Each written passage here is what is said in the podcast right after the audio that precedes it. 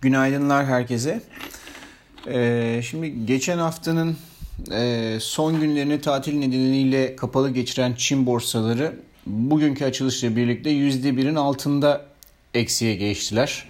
Yani çok derin bir satış yok orada Çin tarafında. Ama diğer e, Asya borsalarına baktığımızda e, %1,5'ün üzerinde satıcılı olduğunu görüyoruz bu endekslerin. Amerikan vadelileri ise, endeks vadelileri ise yatay diye, diyebileceğimiz seviyelerde.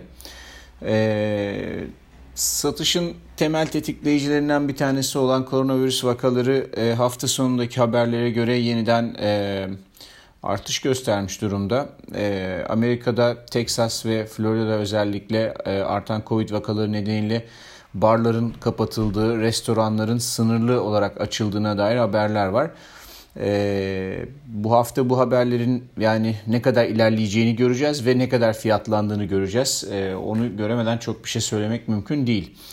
Ee, ancak gördüğümüz kadarıyla geçen haftadan miras kalan satış dalgası bu haftada şimdilik etkisini koruyor gibi e, Asya tarafında. Ama genel olarak hani Asya tarafında satış, satıcılı olunsa da e, future'ların, Amerikan future'larının çok fazla aşağı gelmediği günlerde Amerikan seansında piyasanın biraz topladığını görüyoruz.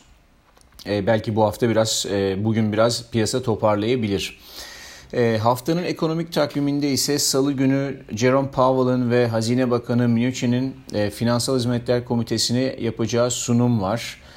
E, yine ilginç zamanlardan geçiyor olmamız nedeniyle bunu piyasa izleyecektir mutlaka. Her ikisinin de söyleyeceği önemli şeyler vardır. E, onları takip edeceğiz.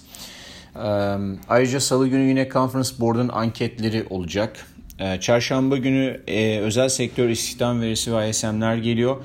E, normalde cuma günü gelen e, tarım dışı istihdam ve ücretler verisi bu hafta perşembe günü gelecek. Çünkü cuma günü 4 Temmuz e, Amerika'nın kurtuluşu var o gün. O, o, yüzden her yer kapalı olacak zaten Amerika'da. piyasaya dön, döndüğümüzde faiz piyasasının hala realde negatif seviyelerde olması nedeniyle Amerika'da e, altın güçlü duruşunu sürdürüyor. Gümüş de tabii aynı şekilde güçlü e, duruyor. Özellikle cuma günü gelen satışların ardından hızlıca bütün satışların geri alınması altında ve e, piyasanın daha yüksek seviyelere gitmesi ve oralarda kapatması altının e, bu anlamda ne kadar talepli olduğunu gösteriyor. Yani şimdilik altın satışından e, pozisyon taşıyanların bunları e, kısa zamanda realize etmeleri sanki daha mantıklı gibi görünüyor. Keza long tarafta da aynı şekilde çünkü piyasa birazcık burada limboya düşmüş durumda. Bir süredir e, zaten e, özellikle gümüş yatırımcıları için piyasanın ciddi anlamda bir bant hareketi yaptığını görüyoruz. E, hatta şöyle ölçüp baktığımızda 18,5 dolar kabaca 18,5 ve 17 dolar arasında e, gümüş piyasası bant hareketi yapıyor. Dolayısıyla bu bantlar kırılana kadar e, intraday trading yapanlar, gün içi işlem yapanlar için çok iyi fırsatlar veriyor. Ama taşıdığımız zaman e, işte bir pozisyonunuz bir artıya geçiyor, bir eksiye geçiyor. Bunu yapanlarınsa e, ellerindeki pozisyona karşılık olarak opsiyon satmaları ile e, getirilerini art, artırmaları söz konusu olabilir. Tabii bunu yapmadan önce iyice anlamak lazım. Bazen istenmeyen sonuçlara da ulaşabiliyor bu. Erkenden pozisyonumuzu kaptırabiliyoruz. O yüzden bunu mutlaka e, bilerek yapmak lazım öyle söyleyelim.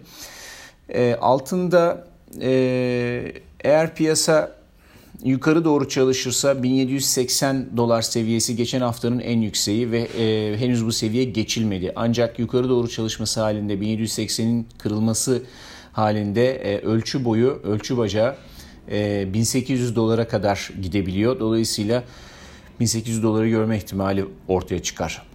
Ama aşağı yönlü çalışırsa bir kez daha e, geçen haftanın işte e, son şey cuma günün en düşük seviyesi olan 1750 dolar bölgesine kadar e, hareket gelebilir. Gümüş tarafındaysa yine e, e, eğerli senaryoya bakmak lazım haftanın ilk günü olması itibariyle. Yukarı tarafta 18.05 bölgesi kritik olabilir. Eğer bunu kırarsa yukarı doğru 18 dolar 5 senti 18-20-35 ee, arasında güçlü bir arz koridoru var. Yani orada e, geleni gelenin üstüne basmaya çalışabilir piyasa. Dolayısıyla e, o bölgeye kadar bir hareket olur. Gün içi işlemciler için söylüyorum.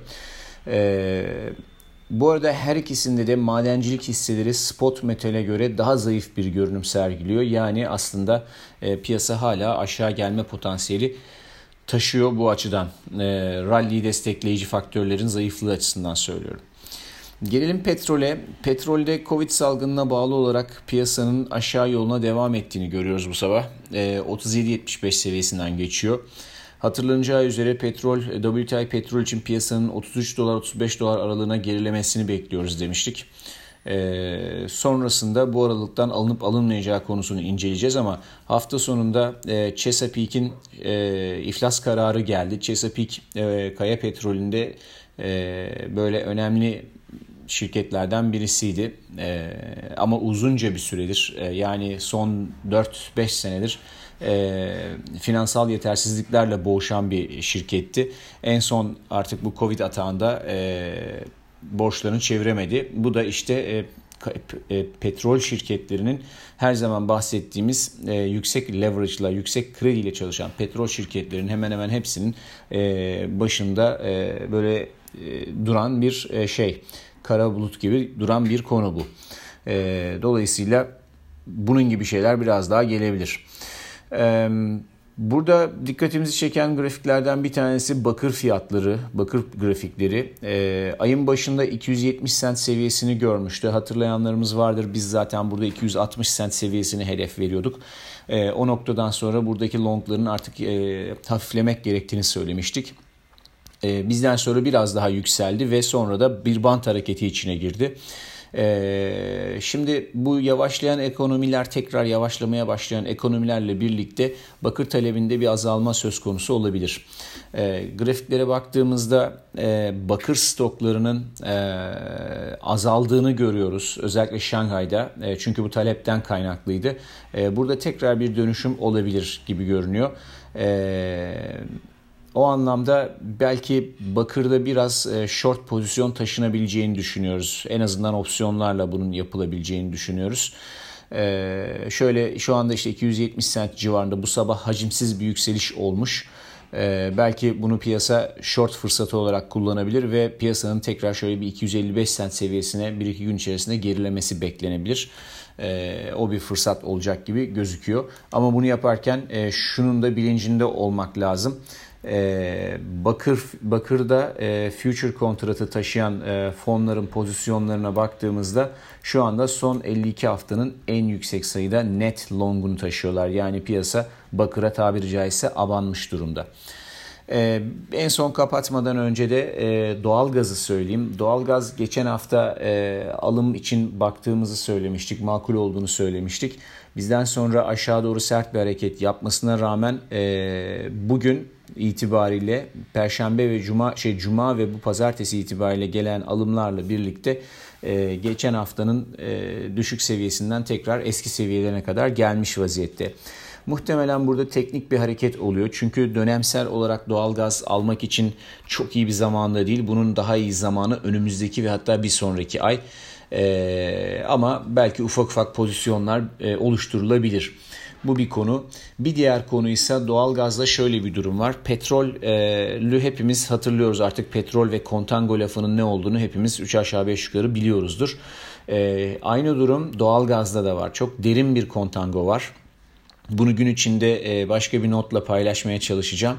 E, bu derin kontango düzelmediği sürece tıpkı petrolde konuştuğumuz gibi e, piyasanın normalleşmesi ve yukarı doğru güçlü adımlarla gitmesi pek imkan dahilinde değil. Yaparsa da bir anomali aslında. E, şu anki durum da bir anomali bu arada. Kontangonun bu kadar derinleşmiş olması. Ancak e, yine de teknik olarak yukarı doğru bir fırsat var. Asıl yükseliş muhtemelen bir ay sonra filan olacak. E, belki bu doğal gaz piyasasını o şekilde de takip etmek lazım. E, detayları daha sonra dediğim gibi paylaşmaya çalışacağım. Herkese iyi seanslar.